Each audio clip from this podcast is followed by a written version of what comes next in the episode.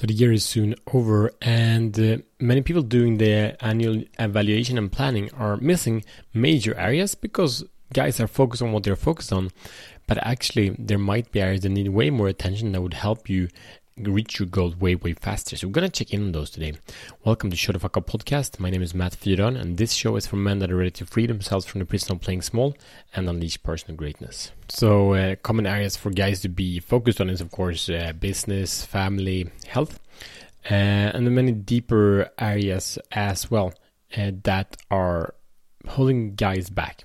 And the natural state of men is that we are single focused, and that's a huge power but it's also can have great, great, great, great costs. So this is not an invitation to make changes in your life if that's not needed.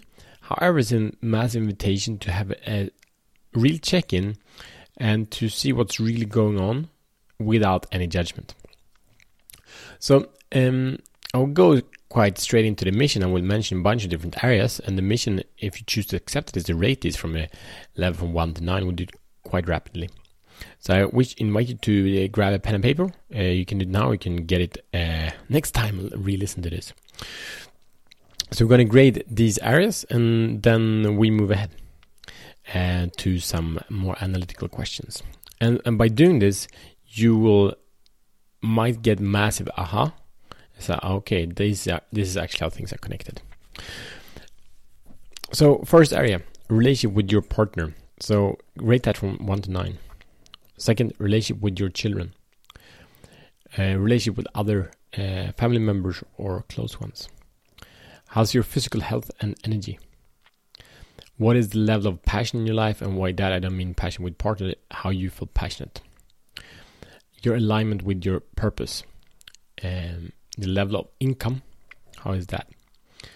Uh, your level of wealth the joy and playfulness in your life. How's that?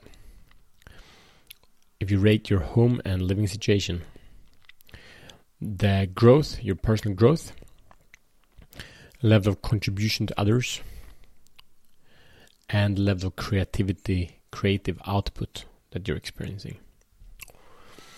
And um, so, so that's it. Those are the areas that I invite you to rate from 1 to 9. If you didn't do it, uh, go back and do it then.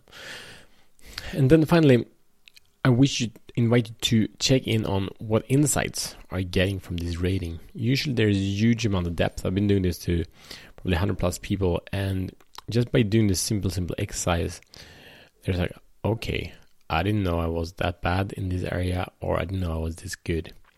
So, so have a serious check-in with you and um, this can be a good start for your planning of the next year. Share this episode with a man that's ready to free himself from the prison of playing small, and I see you tomorrow as Better Man.